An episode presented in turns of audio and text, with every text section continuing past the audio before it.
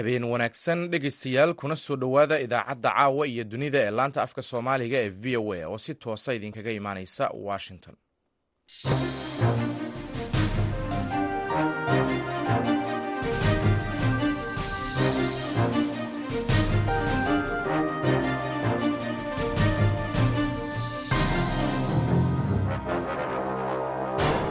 waa fiidnimo isniin ah saddex iyo tobanka bisha maarso sannadka labada kun iyo saddex iyo labaatanka. Waxaad naga dhagaysanaysaan muwjadaha gaaggaaban ee lix iyo tobanka iyo sagaal iyo tobanka mitriban iyo bogga v o a somaali dtcom saacadda afrikada bari waa toddobadii fiidnimo. Idaacadda caawa iyo dunida waxaa idinla socodsiinaya anigoo ah maxamed bashiir cabdiraxmaan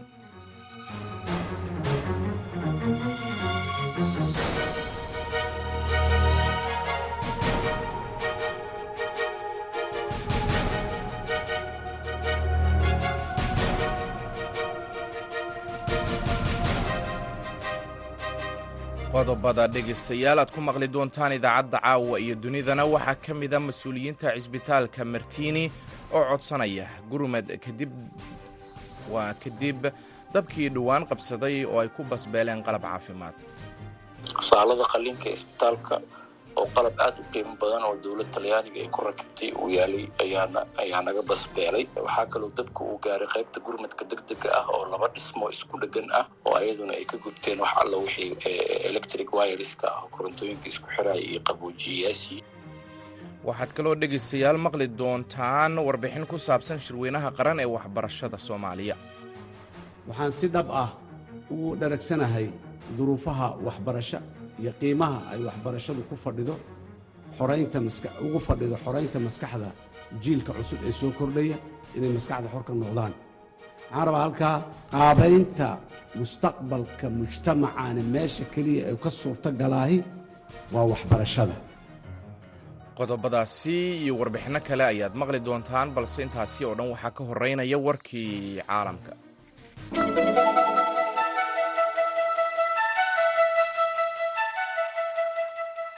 Madaxweyne ku-xigeenka maraykanka kamala haris ayaa bishan booqan doonta saddex dal oo afrikaan ah iyadoo ay washington doonayso inay xoojiso xidhiirkeeda diblomaasiyadeed ee qaaradda afrika. Safarka dalalka ghana tanzaniya iyo zambiya oo bilaabanaya shan iyo labaatanka maaj ilaa labada abril ayaa imanaya. Kadib shir madaxeedkii bishii disembar uu madaxweyne joe biden ku martigeliyey magaaladan washington kaasi oo ay ka qayb galeen madaxda maraykanka iyo kuwa qaaradda afrika oo ay sannadahan ku sii badanayso saameynta dalalka ruushka iyo shiinaha safarka haris ayaa ujeedkiisu yahay in lagu xoojiyo wada shaqaynta maraykanka ee guud ahaan qaaradda afrika iyo in lagu horumariyo dadaalada wadajirka ah ee horumarka amni iyo kan dhaqaale ayaa lagu yidhi bayaan ka soo baxay xafiiska madaxweyne ku-xigeenka. Waxay la kulmi doontaa madaxweynaha ghana nana akufu ado madaxweynaha tanzaniya samiya xasan iyo madaxweynaha zambiya hakainde heshlima iyadoo mowduuca laga hadlayana ay ka mid yihiin dimuquraadiyadda horumarka dhaqaalaha sugnaanta cunnada iyo saameynta dagaalka ruushka uu ku yeeshay waa dagaalka uu ruushku ka wado ukraine. Madaxweynaha ruwanda paul kagame ayaa waxa uu sheegay in ruwanda ay ka shaqaynayso sidii ay u soo afjari lahayd istaagtaaga kala dhexeeya maraykanka iyo kooxaha xuquuqda aadanaha ee ku aadan xariga nin dowladda dhaleeceeya. Paul rosesabagina ayaa waxa uu ku jiraa xabsi shan iyo labaatan sano ah oo lagu riday labadii kun iyo koob iyo labaatankii isagoo lagu xukumay eedo argagixisanimo ah waana maxkamadeyn ay taageerayaashiisu ku tilmaameen mid been abuur ah oo la soo dhoodhoobay. Isagoo aan ballan qaadin in xabsiga uu ka sii dayn doono ninkan xanuunsan ee lixdan iyo siddeed jirka ah ayuu hogaamiyaha ruwanda waxa uu ka sheegay madal caalami ah inuu ka shaqaynayo xalinta kiiskaasi. Rosesabagina ayaa ahaa maamulaha hotel ku yaalla magaalada kigaale waxaana lagu ammaanaa sidii uu u caawiyey inuu badbaadiyo nolosha boqolaal qof intii uu socday xasuuqii ruwanda ee kaasi oo lagu dilay siddeed oo kun oo qof. Rose sabagina oo sheekadiisu ay soo jiidatay dhiirigelisayna labadii filim loogu magacdaray hotel ruwanda ayaa noqday nin si weyn uga soo horjeeda kagame isaga oo samaysay xisbi siyaasadeed ugu dambeynna qaramada midoobay iyo ruushka ayaa isniinta maanta ah bilaabay wadahadallo dib loogu soo cusboonaysiinayo heshiiskii dhoofka qamadiga ukrain kaasi oo dabciyey qalalaasaha cunno ee dunida ee ka dhashay duulaanka ruushka uu ku qaaday ukrain madaxa gargaarka qaramada midoobay martin griffits ayaan la hadlin wariyaasha markii uu gaaray halka uu wadahadalku ka dhacayo oo ah xarunta qaramada midoobay ee magaalada geneva howlgalka ruushka ee geneva ayaa u xaqiijiyey wakaaladda wararka a f b in wadahadalku uu bilowday. Duulaanka uu ruushka ku qaaday ukrain bishii februari ee sannadkii hore ayaa dekada waa dekadaha badda madow ee ukrain ka joojiyay howlaha dhoofinta qamadiga. Ilaa bishii julaay oo la saxiixay heshiis u ogolaanaya in maraakiibta sida qamadiga ukrain ay si nabad ah kaga baxaan degadaha dalkaasi qaramada midoobey ayaa sheegtay in in ka badan afar iyo labaatan dhibiic hal milyan oo tan la dhoofiyey tan iyo markii la gaaray heshiiska ay turkiga iyo qaramada midoobey garwadeenka ka ahaayeen. Warkii dunidana dhegeystayaal waa naga inta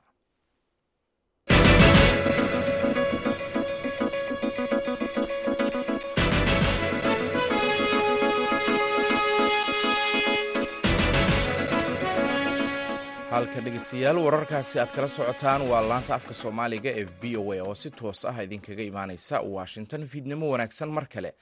Aynu ku horeyne maalintii sabtida ahayd waxaa dab uu ka kacay cisbitaalka martini ee magaalada muqdisho kaasi oo ay dhakhaatiirtu sheegeen inuu soo gaaray khasaare isugu jira dhaawac bukaan iyo shaqaale iyo sidoo kale qalab caafimaad oo ku kacaya boqolaal kun oo dollar haaruun macruuf ayaa khasaaraha soo gaaray cisbitaalka ka wareystay agaasimaha cisbitaalkaasi doctor cabdirasaaq yuusuf axmed jalaaludiin.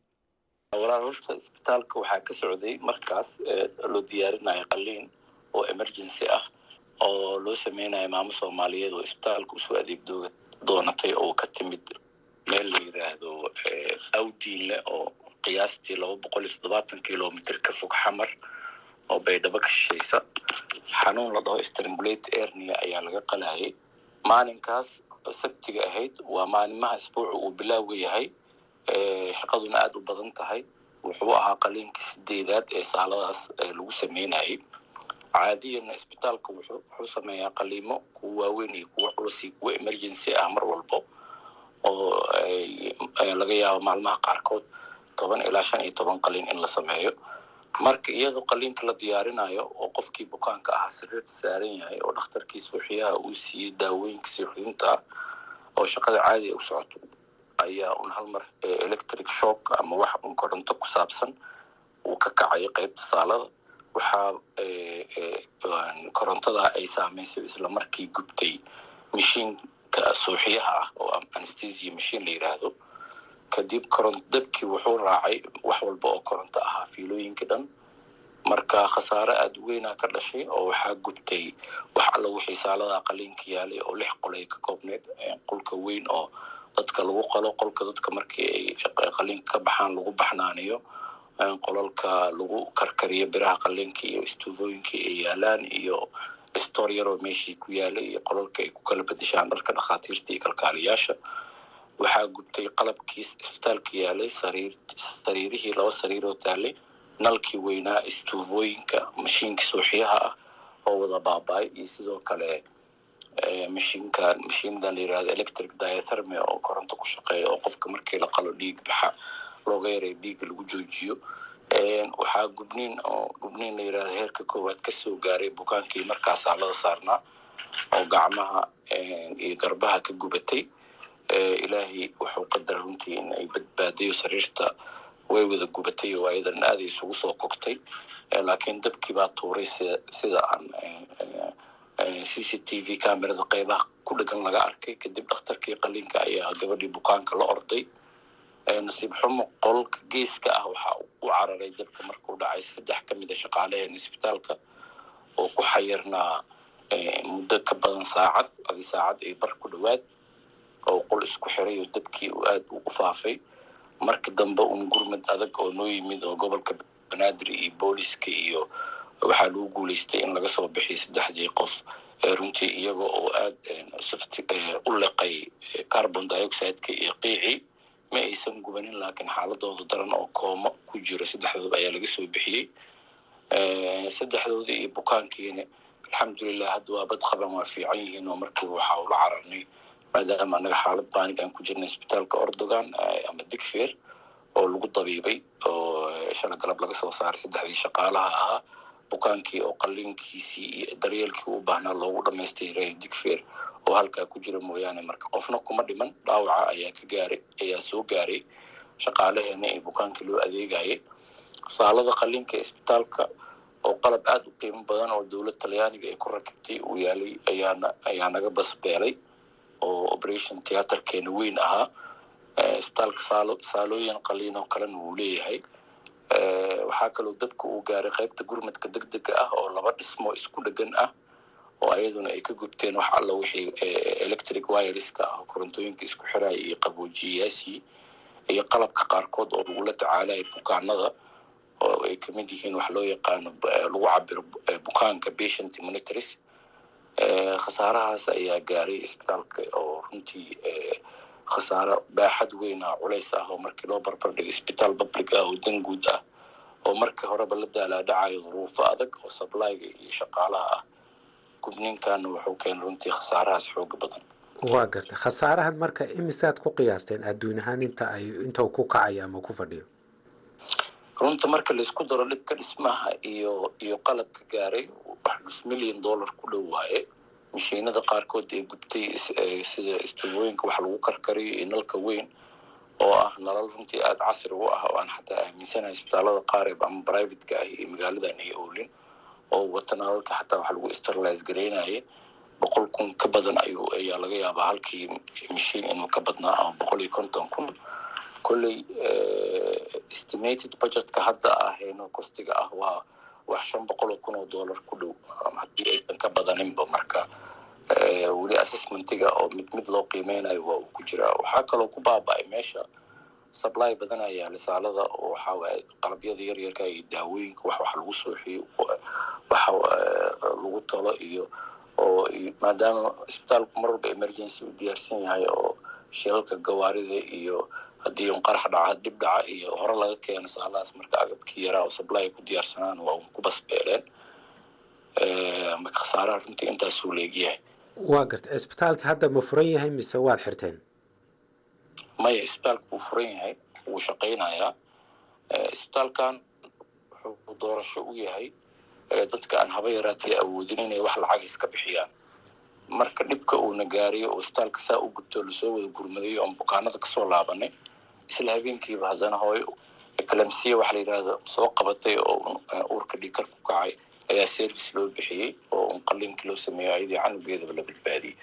Waxaan sii isticmaal isticmaalaynaa saalo labaad oo saala b la yidhaahdo qalab yar uu yaalo qaybta emergencyga oo ayadana gubatayna qayb yar oo kumeel gaar ah ayaan ayaan u sameynay.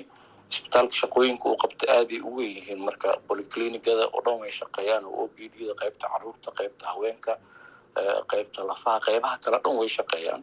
Saalada iyo emergencyga oo shaqadoodii hakad gashayna maanta ayaan dib u soo u bilownay oon qaybo kumeel gaar ka sameynay.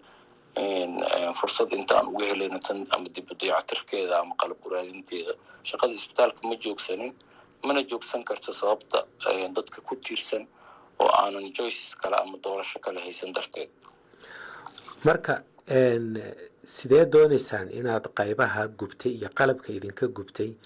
Aada uga soo kabataan cid hadda ballanqaad idiin samaysay ma jiraan maxaa baaqood jeedinaysaan?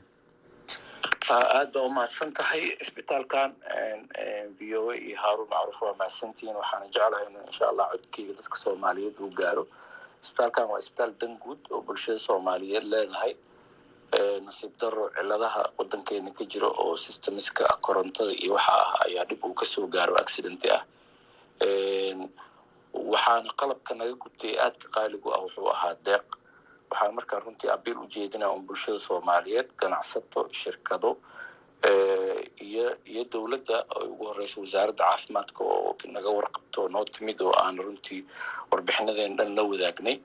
Horta inay isbitaalka u soo gurmadaan oo dib loo soo celiyo shaqadii ay qabanaysay saaladaa weyn oo aada looga warqabo. Sanadkii hore oo keliya shan iyo toban kun oo qof oo soomaaliyeed ayaa qaliimo waaweyn oo lacag la'aan loogu sameeyey iyo qaliimadan yaryarka ah oo electiviska la dhaho oo toddoba kun gaaraysa mar dad dad ku dhow ama ka badan shan iyo labaatan kun oo qof hal sano gudaheed ayay service lacag la'aana siinaysa oo dowlad dadku u ballan qaaday isbitaal dadku leeyahay waaye dadku inay marka noo soo gurmadaan oo qof walba waxa uu karo uu keeno ayaan horta marka ugu horeysa codsanaynaa abiilna jeedinaynaa kaasina dhegeystayaal waxa uu ahaa agaasimaha cisbitaalka martini doctor cabdirasaaq yuusuf axmed jalaaludiin oo khadka telefoonka ugu waramayey haaruun macruuf. Weli wararka muqdisho ayaan ku guda jirnaaye shirweynaha qaran ee horumarinta waxbarashada ayaa maanta ka furmay magaalada muqdisho gaar ahaana howlka afisyooni shirkan oo ay ka soo qayb galeen. Guud ahaan saamileyda waxbarashada ayaa waxaa khudbad ku aadan maraaxisha waxbarashadu ay soo martay ka jeediyey madaxweynaha soomaaliya xasan sheekh maxamuud. Warbixin arrintan ku saabsan waxaa muqdisho ka soo diray xasan kaafi cabdiraxmaan qoyste. Madaxweynaha soomaaliya xasan sheekh maxamuud oo shirkan hadal ka jeediyey ayaa ugu horreyn ka warbixiyey ahmiyadda waxbarashadu u leedahay qaybaha kala duwan ee bulshada gaar ahaan jiilalka soo koraya. Waxaan si dhab ah ugu dharagsanahay duruufaha waxbarasho iyo qiimaha ay waxbarashadu ku fadhido ugu fadhido xoraynta maskaxda jiilka cusub ee soo kordhaya inay maskaxda xor ka noqdaan. Waxaan rabaa halkaa qaabaynta mustaqbalka mujtamacaani meesha keliya ee ka suurto galaahi waa waxbarashada. Hadday waxbarashada science iyo technology iyo mid social iyo mid diineed iyo mid dhaqan iyo dhammaan mid kastoo ay tahayba meesha ay ka suurto gashaahi waa habka waxbarashada. Haddii habka waxbarashada tooso waa laga yaabaa dadaalka maanta aan wadnahay. Maanta mushkiladda dhugu dhegan inaan hore ka xallin. Laakiin mushkiladda mustaqbalka oo dhan iyo waxa dhan inaan ka gudubna ay noqdeen soddon sano ayaan ku jirnaa. Jiilasha inay isbedelaanna toban toban sano ayay isu bedeli karaan dareenkooda iyo wacyigooda la yiraa marka inaan waxbarashada xoogga saarno si mustaqbalka soomaaliya ay u yeelato muxuu ahaay hanaan waxbarasho iyo dad waxbartay oo toosan oo maskaxda ka toosan caqliga ka toosan kana xor ah. Shirweynaha qaran ee waxbarashada waa guul taariikhi ah oo isu keentay dhammaan saamileyda waxbarashada ee dalka soomaaliya oo ay ku jiraan macalimiin waalidiin bahda dugsiyada aqoon-yahanada iyo bahweynta caalamka eena taageerta deeqbixiyaasha iyo taageerada guud intaba madaxweynaha ayaa sidoo kale cod dheer ku sheegay in waxbarashada ay kaalin weyn ka qaadato in laga xoroobo argagixisada isagoo dhanka kalena soo hadal qaaday waxbarasho la'aanta ka jirta goobihii laga saaray al-shabaab. Dalkeennu duruufo adag inuu muddo dheer ku soo jiray oo duruufahaasina ay qaarkood weli taagan yihiin waa dhab wax lama inkiri karo. Hase yeeshee ma jiraan wax ka saamayn badan marka la barbar dhigo awoodaha la tijaabiyey ee doorka waxbarashadu ku leedahay ka hortagga argagixisada caalamiga ah baridda muwaadinka muhimadda wadaniyadda iyo midnimada dhismaha bulsho nabadeed. Sidoo kale waxbarashadu waxay door weyn ka qaadan kartaa soo saaridda faca dambe ee noqonaya hogaamiyeyaasha heer qaran heer gobol iyo heer caalami ee dunida intaba ee soomaaliya ay ku leedahay mudanayaal imarwooyin waan soo arkay. Hadda markii shabaab la xoreeyey kadib tuulooyinka waxaa ka jira. Iskuul kama jiro caafimaad kama jiro dugsi qur'aan xataa kama jiro. Soo qof nolosha noocaas ku soo barbaaray waad garan kartaa qiimaha iyo meesha ay wax ka joogaan. Xasan sheekh maxamuud ayaa wax laga xumaado ku tilmaamay in soomaaliya halka ugu dambaysa ay dunida uga jirto qiimaynta heerka waxbarashada dalalka caalamka. Dalkeenna halka ugu dambaysa ayuu kaga jiraa dhammaan qiimaynta caalamiga ee waxbarasho. Marnaba kuma faraxsanin diiwaanka noo yaallo. Waa bar madow oo ku taalla taariikhdeenna iyo dibudhac aan ku samaynay dhaqankeenna waxbarasho. Waxaan xasuustaa in badan abwaaniinta soomaaliyeed arrintaas ka digay iyo dadka soomaaliyeed siday u haliilayeen waxbarasho. Soomaalidu dunida marka la fiiriyo waa dadka keliya ee laga heli karo wiil ama jiil. Inta waxbaratay ayaga ugu horreeya ee haddana tacliinta meesha ugu sarraysa ka gaara wiil ama gabar aabbihii iyo hooyadii aanay weligood iskuul tegin. Ee haddana ama muxuu ahay aqoonta ugu sarraysa b h d da gaara ama maxaan ku rahdahay researchska cilmi baarisyada ugu waaweyn sameeya ama jaamacadaha adduunka kuwooda ugu macnaha badan ka ah macallin bare cilmi baare hooyadii iyo aabbihiina weligii iskuol ma ayan aadin ummadaha adduunku uma badna sidaa. Taas marka waxay tahay calaamadda aan ka qaadanayno. Haddii qofka soomaaliga ah fursad la siiyo inuu meesha meel ugu sarrayso uu gaari karo. Ugu dambayntii madaxweynaha soomaaliya ayaa sheegay waxa uu yahay yoolka siyaasadeed ee dowladdu ka leedahay arrimaha waxbarashada. Yoolalka siyaasadeenna waxbarasho dowladda haddaan nahay soomaaliya way cad yihiin. Kow inaan kordhinno isqorista iskoolaadka ay ardadu isqorayaan. Waxaa afka qalaad lagu yidhaahdo agsas gaaritaan. In la kordhiyo iskuulaadka tirada ardayda ah ee gelaysa waa qodobka koobaad kan labaad in la dhaqangeliyo wax manhaj habaysan oo wax lagu barto. Waxbarasho iska dadaal wax kuma dheelay sida bal uun ba'ta'diina dhig muxuu ahay buug xagga ka soo qaad mid kale xag ka soo qaad maaha. Manhaj qaabaysan midaysan oo loogu talagalay inuu soo saaro qof soomaali ah oo toosan. Waa waa qodobka labaad. Qodobka saddexaad in la hubiyo baridda taya barid taya sare leh. Manhajkii waa haynaa iskuulkii waa furan yahay macallinkii waa keennay waxbarashada tayada sare leh macallinkaa ka mida waan arkaynay maanta nambaradii halkaan loogu soo dhigay macallimiinteenna maanta waxbarashada ka shaqaysa inta tababaran iyo inta aan tababarayn inaan macallinka tababarno. Oo aaliyaadkii oo wax ku fududayn lahaane loo helo intii suurtagal ee loo heli karo. Maanta maadooyinka ugu waaweyn iyo waxyaabaha tacliinta laga tixgeliya waa technologyga educational technology. In si casriga ardaygii wax loo fahamsiiyo fudud. Shirkan maanta ka furmay magaalada muqdisho ayaa socon doona muddo toddobaad ah markaas oo lagu wado in gebagabadiisa laga soo saaro war murtiyeed ay ku dhan yihiin waxyaabihii shirka lagu lafaguray. Xasan kaafi qoyste v o a muqdisho.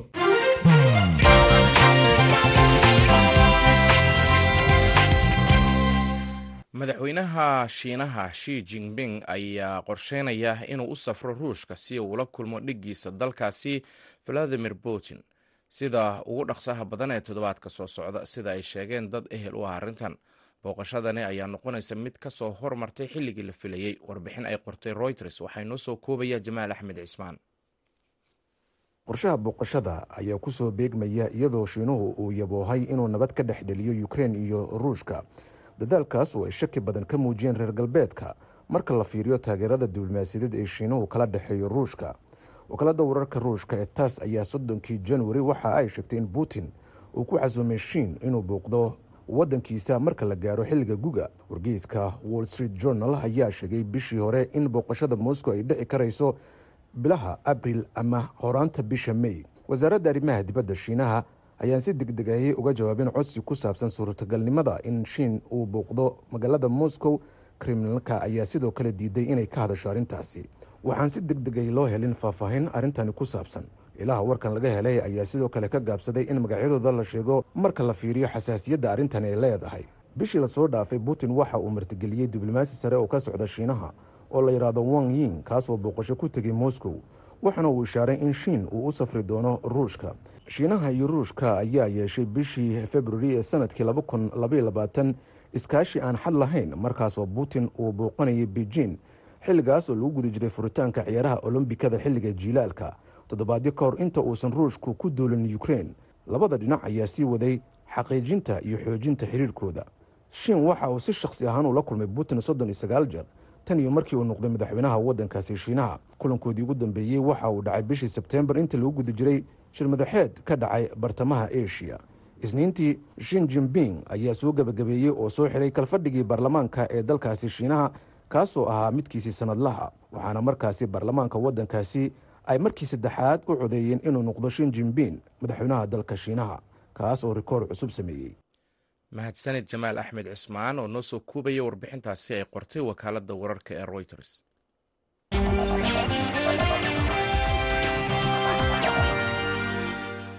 dhegeystayaal weli laanta afka soomaaliga ee v o a ayaad nagala socotaan fiidnimo wanaagsan mar kale dowladda maraykanka ayaa qaaday tallaabooyin ay ku badbaadinayso dhaqaalaha kadib markii uu isbixin waayey bangiga silicon valley bank.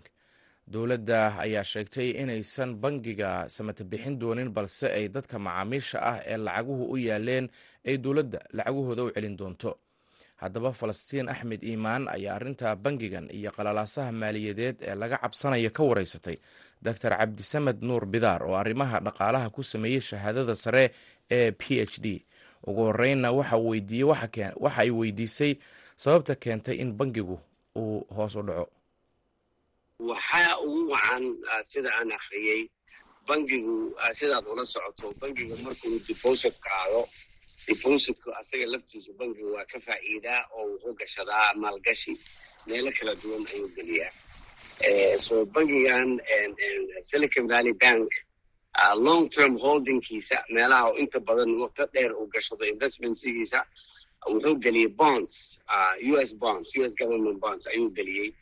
Generally u s government bondsku waa safe. Macnaheedu waxa weeye isma badbedelaan inta badan wax maaragtay ma aha pricesku aad ama hoos ama kor u dhaco ma aha waa the safest investment uu qofka uu samayn karo weeye. Ha yeeshee labadii sano ugu dambeysay oo inflationka uu noqday mucjiso aan la arag afartankii sano ee ugu dambeysay ama kontonkii sano waa la oran karaa dhaqaalaha reer galbeedka ayaa waxa iska bedelay marka sideeda waxaa jirta haddii uu inflationku ama sicir bararku kor u kaco taas waxay keentaa in bondskii dowladdu ay bixisay ay hoos u dhacda qiimaheeda. Marka bangiga waxaa la soo gudboonaaday financial losses ama maaragtay khasaare ka soo gaaray heerkii ay ka joogeen maalgashigoodii. Maxaa keenaya marka walaaca? Maxay dowladda iyo hay'adaha kale ee maaliyaddu ay ka walaacsan yihiin oo looga cabsi qabaa in ay bangiyo kalena soo raaci karaan. Inkastoo durbe la sheegay dhowr bangi kale oo signature bank uu ka mid yahay oo new york ku yaalla in iyaguna ay xasarad maaliyadeed soo wajahayso. Ha waa run waa run dowladdu waa inay ka digtoonaato in ay dhacdo maaragtay waxa loogu yeero run on the banks. Run on the banks waxa weeye anigii adiga iyo qof walba oo deposit u yaalla bangiga haddaanu isku mar tagno bangigu ma haya lacag nagu filan inkastoo depositkeennii uu hayay. Lacag nagu filan uu nawada siiyo oo dib noogu soo celiya ma hayo sababtoo ah bangigu lacagtaas asba geliyaa.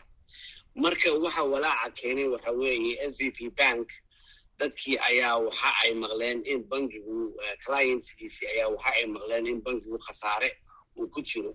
Hal mar baa kambanihii badnaa oo yaryaraa oo oo payrollkooda ka bixinayay oo isticmaalayay bangigaas ayaa waxay isku dayeen inay lacagtooda bixiyaan ay kala soo baxaan. Bangiga bangigiina waa awoodi waayey marka dowladda maraykanka iyo wasaaradda maaragtay treasuryga iyo iyo iyo federal reserve bankaba waxaa ka saaran xil gaar ah in arrintan oo kale la xakameeyo. Laakiin mas'uuliyiin u hadla dowladda waxay sheegeen maraykanka in aanay samata bixin dhaqaale u sameyn doonin bangiga. Silicon valley marka maxay taa sababta aanay dowladdu u rabin inay samata bixin u samayso? Taas waxay keenaysaa waa midda ugu muhiimsan marka samata bixintu macnaheedu waxa weeye dadkii shareholderska bangiga ee lahaa iyo marka samata bixintu ama ay dowladdu la wareegto waxaa dhacaysa iyo dadkii depositka u yaalay lacagtaas oo dhan wipe out baa ku dhacaya. Marka kambaniyadii badnaa oon hadda aan kuu sheegay oo startupka ahaa oo california silicon valley joogay oo maaragtay payrollkoodii iyo shaqaalahoodii wax ka bixinayay dowladdu maanta uma aragto in la dhaho wixii nina yaalaan marka laakiin nidaam cusub ayay dowladdu isticmaalaysaa treasuryga iyo f d i c du ay isticmaalaysaa. Waxa ay sheegeen in ay garanti garaynayaan depositkii oo dhan. Dowladdu waxay tiri annagoo isticmaalayna fund gaar ah oo f d i c da ay leedahay ayaanu waxaanu bixin doonaa aanu available ka dhigi doonaa all the funds oo maaragtay available u ahaa dadkaas. Dhaqaalihii kale oo dhaqaalihii so berito hadduu ninkii kambanigaas uu tago bangiga marka la furo millionskiisii wuu helayaa tomorrow. Haddii sida ay ay u qorsheynayaan. Marka lama wareegayaan sidii waagii financial two thousand eightkii dhacay. Bangigu sidii buu ahaanayaa lama iibinayo qolo kale lagama iibinayo dowladdu lama wareegayso way maamulaysaa oo hantidii bay u maamulaysaa waxayna la siin doonaa fan gaara oo f d i c du leedahay oo laga fangaraynayo fee bangiyada laga qaado. Ayaa dadkaas loogu soo celin doonaa loogu soo celin doonaa. Maxaa tahay xiriirka ka dhexeeya? Sare u kaca dowladdu ay ku sameynayso ama ay sare u qaadayso lacagaha dulsaarka ah iyo bangiyadan dhibaatada soo wajahaysa? Lacagaha dulsaarka ahu aniga ka soo qaba adiga bangigii ah qof marka aad toban dollar aad ka qaadid oo deposida waxaad maaragtay aad ka ballan qaadaysaa inaad hal dollar ugu darayso. Adiga bangi ahaan halkaas dollarna waxaad rabtaa inaad ka hesho inaad anaad sii gelin kale ayaad samaynaysaa si aad lacagta uga hesho. Marka bararka waxa weeye tobankii dollar ee aad qaadatay halkii dollaraad ku dartay waxa ay goysaa wax ka yar shalay maanta inta qiimaheeda uu yahay marka waa inaad adiga si aad u hesho purchasing powerkaagii uu dib kugu soo noqdo waa inaad lacag dulsaara aad saaratid wey. Kaasina wuxuu ahaa doctor cabdisamed nuur bidaar oo u warramayey falastiin axmed iimaan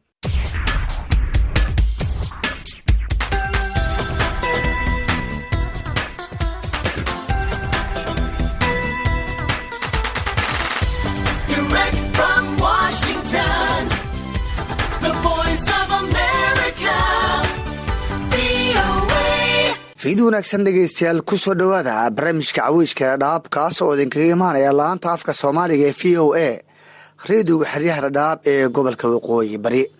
Barnaamijka toddobaad walba waxaad ku dhegaysataan laba mawduuc oo ah kuwa ay ugu hadalheynta badan yihiin bulshada ku nool xeryaha qaxootiga.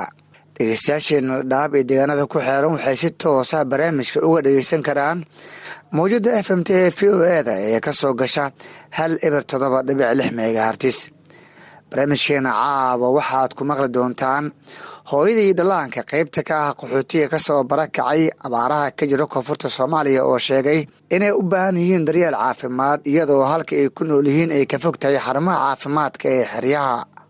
Sidoo kale barnaamijka waxaa qeyb ka ah qaxootiga ku nool xerada xagardheer oo ka waramay cariiri ay sheegeen inuu ka jiro goobaha raashinka lagu siiyo qaxootiga ku jira xeradaasi kama marna xubintii shakhsiga oo toddobaadkan aan ku eegi doono habka ay u shaqeeyaan guddiyada khilaafaadka arrimaha bulshada ee xeryaha iyo qaabka ay u xaliyaan muranada dhex mara bulshooyinka qaxootiga ah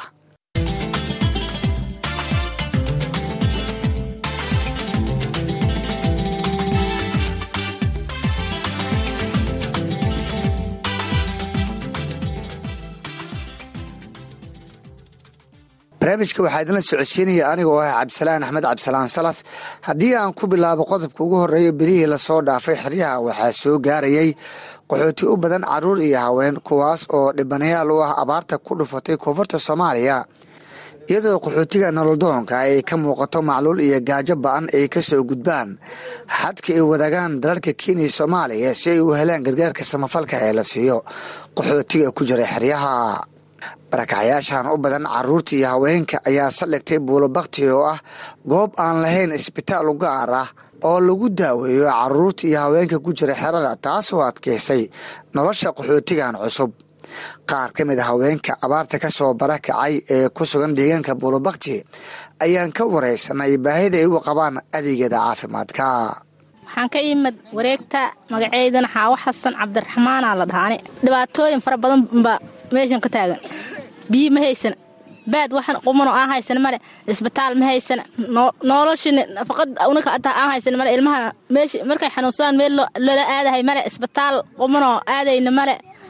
Biyihii biyihi ahaabaan yaaba qaliil u galnay. Waa tahay xaawo halkeebaad ka soo barakacday ood ku nooleed. Waxaan ka soo barakacay soomaaliyaan ka soo barakacay ilaa iyo wareegta baan ka soo barakacay waa sida meeshaan ka imaaday. Goormaa timid xeryaha? Jimacdii dhaweed jimcadeeda baa imaaday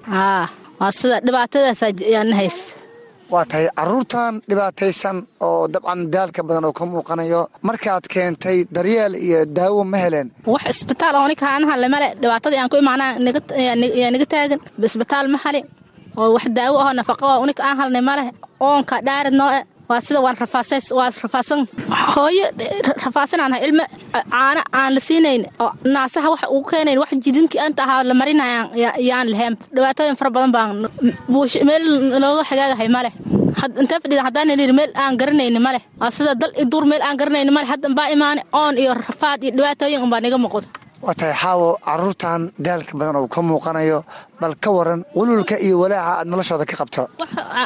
Oo unika aan unay haddana na siiyo aan halnay maleh annigaaba baahan carruurtiaa baahan. Waa sida biyihii noloshii biyihii ahaaba waxay islaan ka soo qaadanayn noloshii biyuhu ahaa wax looga karyaaba la garin la'ay qabays maxalaan xanuun iyo shiban way hayaa. Hergeb dhibaatooyin fara badan baa haya daryeelay u baahan yihiin isbitaal ay u baahan yihiin meel loola ordahay ma leh. Waa sida dad rafaadsan baa nahay eedaan wax ka codsanaynaa nolol inayna noo yeelaan rabnaa.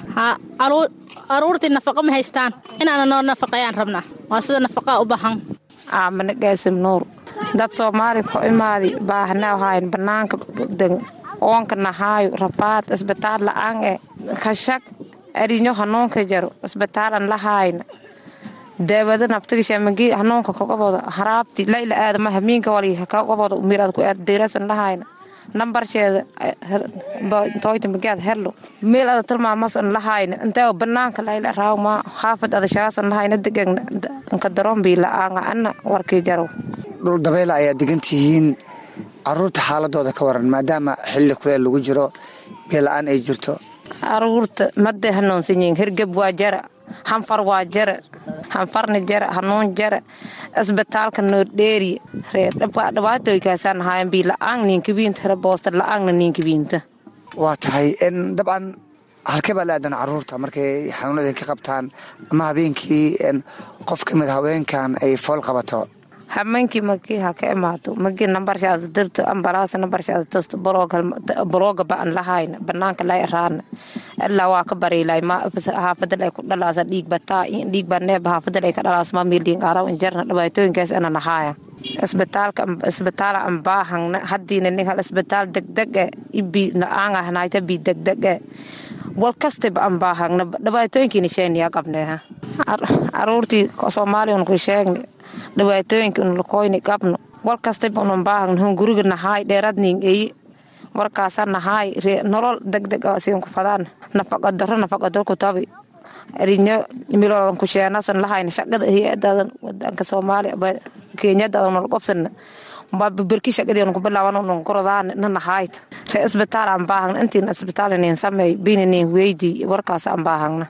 aad bay u mahadsan yihiin kuwaasna waxay ahaayeen.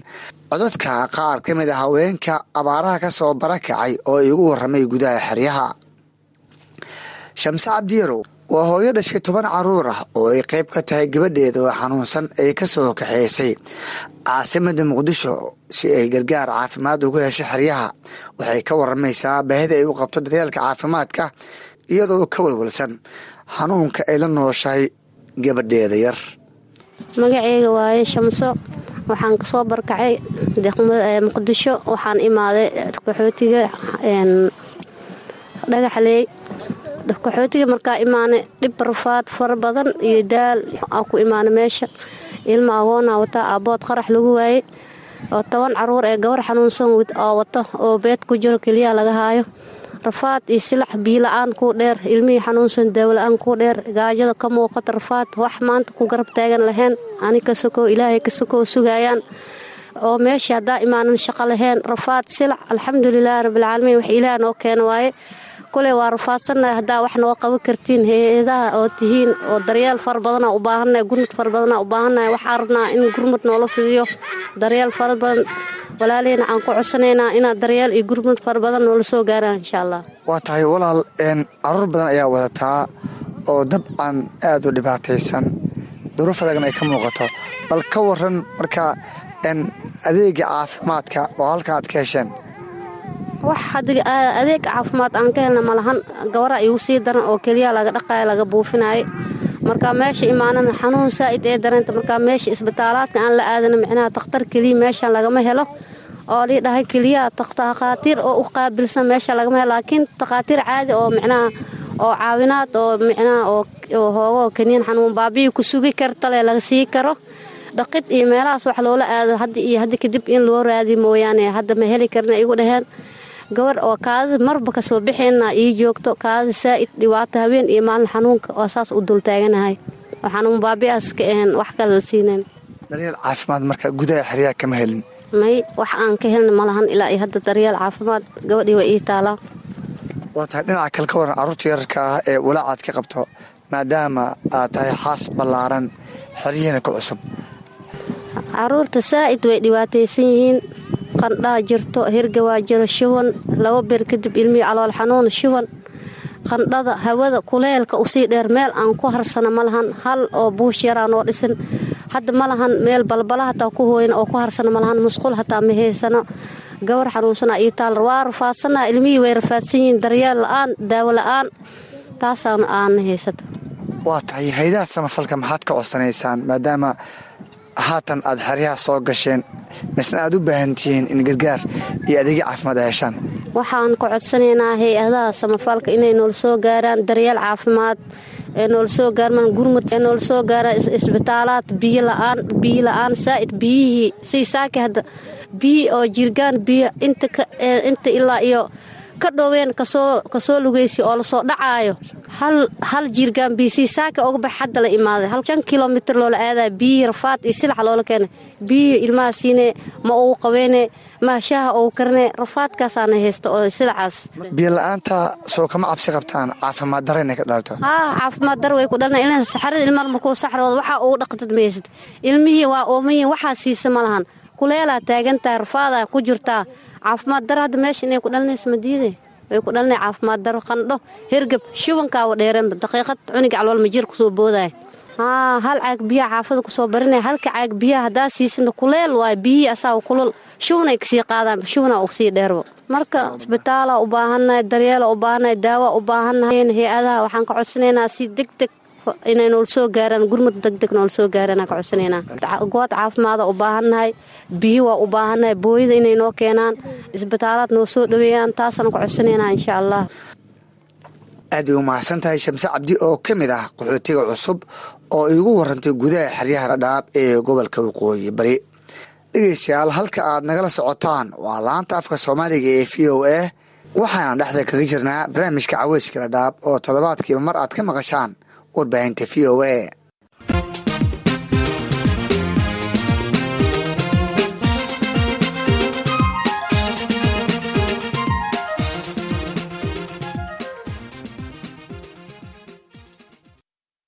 waxaa nagu soo maqan xirmooyin kale oo xiise leh ee ku saabsan isla wararka qaxootiga. Balse haatan aadinku wareejiyo saaxiibkay axmed cabdulaahi jaamac axmed dheere oo stuudiyaha igula sugan si uu nagu soo tabiyo barnaamijka qaybihiisa kale mahadsaned cabdisalaal dhegaystayaal waxaad nagala socotaan barnaamijka caweyska dhadhaab oo aad ka dhegaysanaysaan la'aanta afka soomaaliga ee idaacadda v o a. Waxaanuu barnaamijku si toosa idinkaga imanayaa xeryaha dhadhaab ee gobolka waqooyi bari ee kenya. Magacaygu axmed cabdulaahi jaamac ku soo dhowaada warbixinno kale oo ku saabsan nolosha dadka ku nool xeryaha qaxootiga oo qayb ka ah barnaamijka caweyska dhadhaab ee toddobaadkan. Waxaa ka mid a qodobada aad ku maqli doontaan xubintii shakhsiga oo toddobaadkanuu marti noogu yahay maxamed cabdulaahi nuur oo ah guddoomiyaha guddiga nabadgelyada iyo xalinta khilaafaadka ee xerada xagardheer oo aannu ka waraysannay howlaha nabadeynta ah ee uu guddigu xerada ka qabto. Waxaad kale oo maqli doontaan dadka ku nool xerada xagardheer oo cabasho ka muujiyey ciriiri badan oo ka jira xarunta raashinka laga qaato tirada dadka ku nool xerada oo aad u korodhay awgeed. Aan ku bilaabay dhegaystayaal maxamed cabdulaahi nuur waa guddoomiyaha guddiga nabadgelyada iyo xalinta khilaafaadka ee xagardheer guddigan oo ka jira dhammaan xeryaha qaxootiga ayaa bulshada kala shaqeeya dhinaca nabadgelyada iyo xalinta khilaafaadka ka dhex dhaca bulshada. Maxamed cabdulaahi ayaa waraysiga ku bilaabaya xilliga la asaasay guddigan iyo sababta loo asaasay guddigan horta waqti dheer uu aasaaskiisa laga joogaa. Waxaan dhihi karaa inta qaxootiga la deganaaba uu shaqaynayay marxalado kala bedelanba ha soo mara ama tiradiisa ha yaraata laakiin inta qaxootiga la deganaa guddi jiro oo shaqaynaya u ahaa. Sababaha loo asaasayna wuxuu ka mid ahaa maadaama meeshii la degan yahay oo bulshadan iyo dee bulsho dal kale ku soo qaxday ay tahay in hay'adaha iyo wadanka dowladda ka jirta iyo bulshada ay u dhexeeyaan bulshadana ay u shaqeeyaan hay'adahan ay bulshada u matalaan oo maaragta ay saas u dhexeeyaan ay ahayd wixii loo asaasay tirada dadka ka shaqeeya ee guddiga waa imisa sidee ayaase lagu soo xulay dadkan hadda ka mid ah guddiga xalinta khilaafaadka iyo nabadgelyada? Tiraba mar baa la soo maray. Mar bay iska yareed oo laga yaaba shakshankiiba inuu qof matala. Oo matalan hadda xagardheer oo kale. Hadday ugu badan tahay shan iyo toban shagshan tahay mar bay toban ahayd. Laakiin tirada ugu badnayd oo kaamkan laga tareerin garay waxay ahayd saddex boqol iyo lixdan iyo shan. Laakiin hadda waxaa hadda shaqeeya oo hadda wakhtigan hadda shaqeeya boqol konton iyo saddexa hadda shaqayso walow marka taa waxaa keentay in dhow baan la tareerin garaynin. Markaan u gudbo soo xulashada soo xulashada qaab adagaa lagu soo xulan jiray. Matalan qofka ka mid noqonaya c b b t waxaa laga soo xuli jiray blog. Bloggaas waxaa jooga odayaal komiti ah oo blogga degan iyo labada blog liidhar baa isla soo xuli jiray markay ayaga ka fariistaan oo yidhaahdaan yaa u qalma qofkeen nadiif ah. Markay saas blogga looga soo xula waxay u soo gudbin jireen section liaderka sectionka iyo team liaderka c b b t da oo sectionka qaabilsan. Ayaga haddana jeegarayn jiray. Markaas waxay u soo gudbin jireen german iyo maaragtay hay'adda markaa tareerin garaynaysay ayagaa markaa fiirin jiray. Haddana magaciisa iyo macluumaadkiisa waxaa loo diri jiray booliska. Sidaasaa marka lagu eegi jiray inuu qof nadiif yahay markaasuu ka mid noqon jiray. Marka dadkan hadda ka shaqaynaya guddiga xalinta khilaafaadka iyo nabadgelyada ma dadkii xilliyadii hore soo tababarayba mase mar walba dad cusub baa la qaataa ku soo biira. Bay dadkii hore waaye hadda wax dhow lama tareerin garaynin. Wax hadda c b b t cusub oo la tareerin garay laba kun labayo tobankii baa ugu dambeeyey. Wax ka dambeeyo c b b t oo la tareerin garay ma jiro. Xilligaas hay'adda lir l f ka management ka qaabilsaneed ayada aad u tareerin garaysay c b b t da kadib wax la tareerin garay laba kun labayo tobankii ma jiraan. Kuwii horaa shaqaynayo hadda aan kuu sheegay saddex boqol lixdan iyo shan tirada xilligaas gaartay haddana laba boqol konton iyo saddexda. Marka kuwii horaa shaqaynaya hadda wax la tareerin garay ma jiro. Muxuu yahay waxqabadka iyo howl maalmeedka guddiga xalinta khilaafaadka iyo nabadgelyada? Waxqabashada horta waa shaqo culus waay oo waxay u shaqaynayaan bulshada. Waxay xaliyaan waxaa ugu badan xalinta khilaafaadka maaragtay wacyigelinta maaragtay haddii ay wax dhacaan yacni qofka in la raboodgaray ama qofka laftiisa meeshii shaqadiisa hawshiisa ay jirtay loo tilmaamo. Tusaale ahaan haddii hadda qof la kufsado kale waa inay tilmaamaan oo yidhaahdaan booliiska mar halkaa iska raboodgaray kadibna dhakhtarka aad la tilmaamo. Haddii sidaasoo kale waa in hay'adihii ku shaqa lahaa oo kale ay si bibtida wacaan oo yidhahdaan halkaas waxaa ka dhacay kufsi noocaasa. Haddii qof la dilo oo kale waa in la wacaa maaragtay hay'adihii ku amniga ku shaqa lahaa. Yacni shaqada ay qabtaan waa saddexdaas nooc. Inay dadkii wacyigeliyaan inay xaliyaan oo xalinta khilaafaadka in xagga rabootin ama macnaha bulshada ay u tilmaamaan meesha ay wax ka jiraan. Saddexdaasa ugu badan waxyaabaha ay qabtaan aan soo qaadanno dhinaca xalinta khilaafaadka oo inta badan guddigu ku yahay uu caan ku yahay waddooyinkee u martaan inaad xalisaan dhacdo ka dhex dhacday laba qof ama laba qoys? Markay wax dhacaan horta bulshada aad baan ugu mahad celinaynaa. Way naga garab qabtaan maaragtay hawshaas. Markay wax dhacaan bulshadii aa ku soo wacaysaba halkaa waxaa ka dhacay halkaas. Kadib waxaan samaynaa meeshay wax ka dhaceenan tagnaa waxaan samaynaa la kulannaa dadkii wax maaragtay dhex mareen waan dhegaysanaa labada dhinac kadibna waan u fariisannaa ka maamul ahaan ama blog liaderkii blogyadaas ama ehelkii ehelada dadkaas labada dhinac waan u yeeranaa waan u fariisannaa kadibna waan saasaan ku dhammaynaa ku xallinaa. Maxaa ugu badan kiisaska aad xallisaan? Waa bulsho badan hadee ood garan karta meel iskugu timid.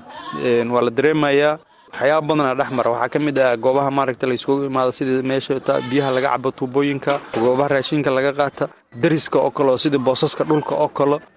Waxyaaba badan baa shaqaqooyinka ay ku imaadaan. Waxyaabaha la xaliya way fara badan yihiin. Reer deganoo ninkii naagtii isku dhici reer kala tagaa waxay isku qabsanayaan ilmihii ama guriga hoyga ay deganaayeen yacni waa wax fara badan waxa maaragta shaqaqooyinka ay ka imaadaan. Guddigu shaqo badan oo culus ayay qabtaan. Marka yaa taageera maxaase laga taageeraa wax hadda toos oo hadda taageero ah gurdigani wuxuu ku shaqeeya waxa layidhaha voluntary oo asagaa isu gartay maadaama dadkani bulsho meesha degan ay yihiin bulshadii waxay garteen inay iskood ugu shaqeeyaan. Micnihii dee dalkanaga annaga waa ka baxnay waa ka qaxnay xaradaanan degannahay ummadaan dowlad kale iyo imaan magangeli. Marka in aan si nabada ku noolaano oo carruurtanadii wax ku bartaan iyo isu xilqaamin marka inta badan voluntary waxay ku shaqeeyaan wax hadda ma qaataan saasayna raalli ku yihiin oo ayaga bulshadooda ugu shaqaynayan laakiin waayadii hore waxaa dhici jirtay wax maaragtay sabmoraalin oo lagu kabo oo sidii maaragtay kaarka telefoonada la gashado gabaha buudka oo kale tooshash jaakad waxyaabahaas.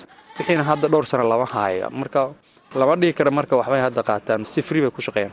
Waxyaabaha aan aadka u badnayn laakiin lagu taageeri jiray oo agabka ahaa aad tiri ilaa xilli dheer hadda maanan arkin.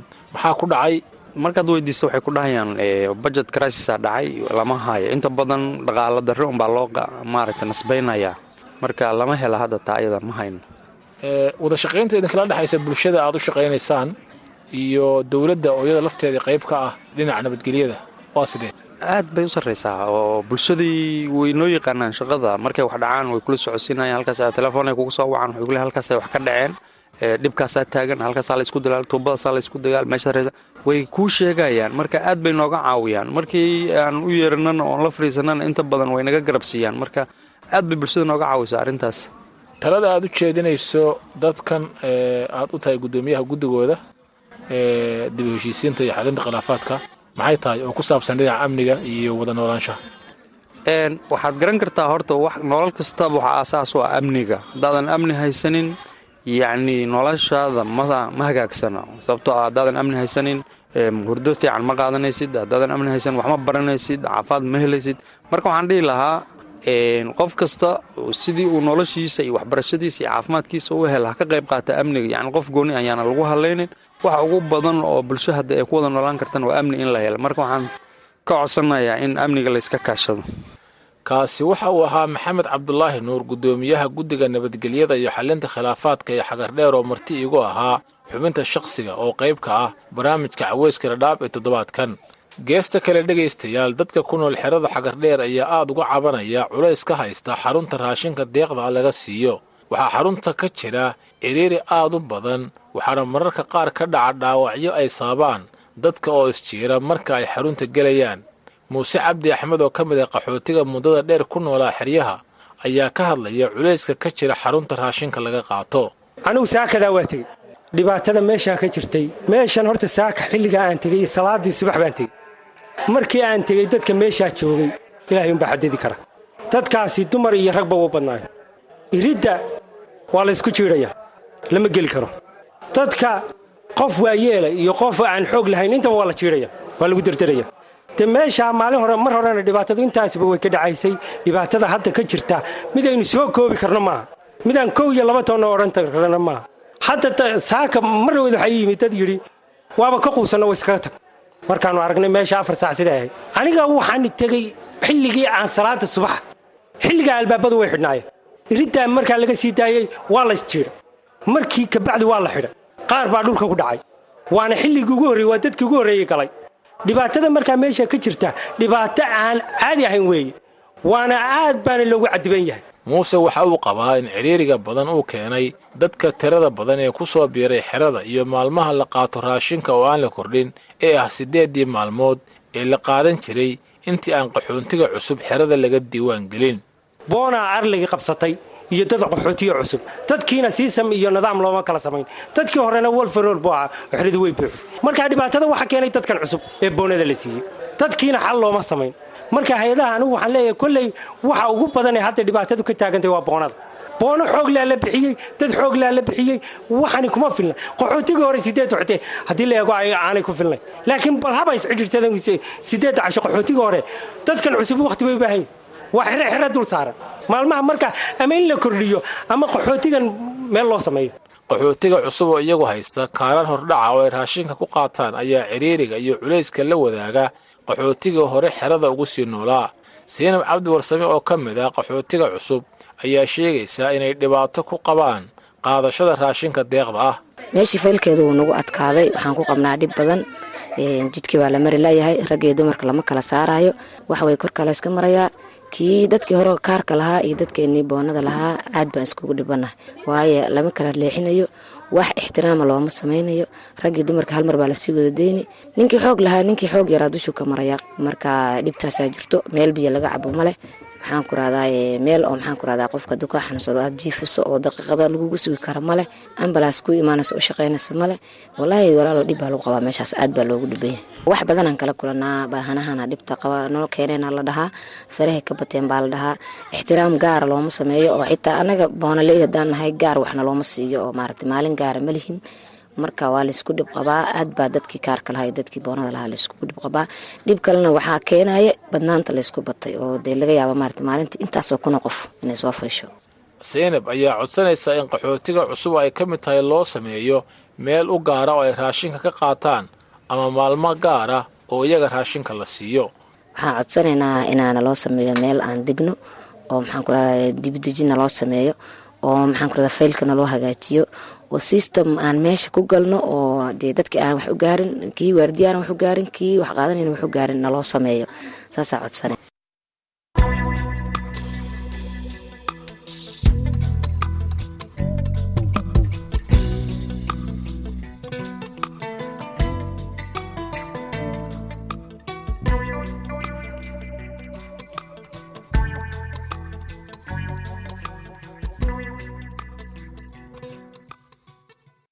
dhegaystayaal intaa ayuu inoogu egyahay barnaamijkii caweyska dhadhaab ee toddobaadkan. Intaanan ka bixin aan mar kale dib idinku celiyo. Saaxiibkay cabdisalaan axmed cabdisalaan salas oo barnaamijka ila daadihinaya mahadsaned axmed dheere dhegeystayaal haatana nala dhegeysta heesta toddobaadka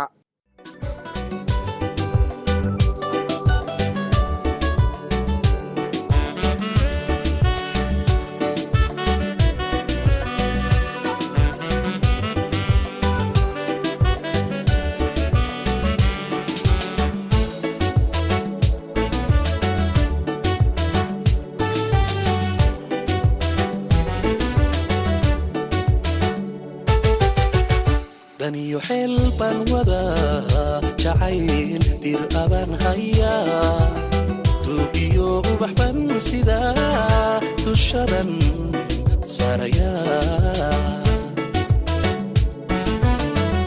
haddaadana fiicantay daryeelkayga igu fiilan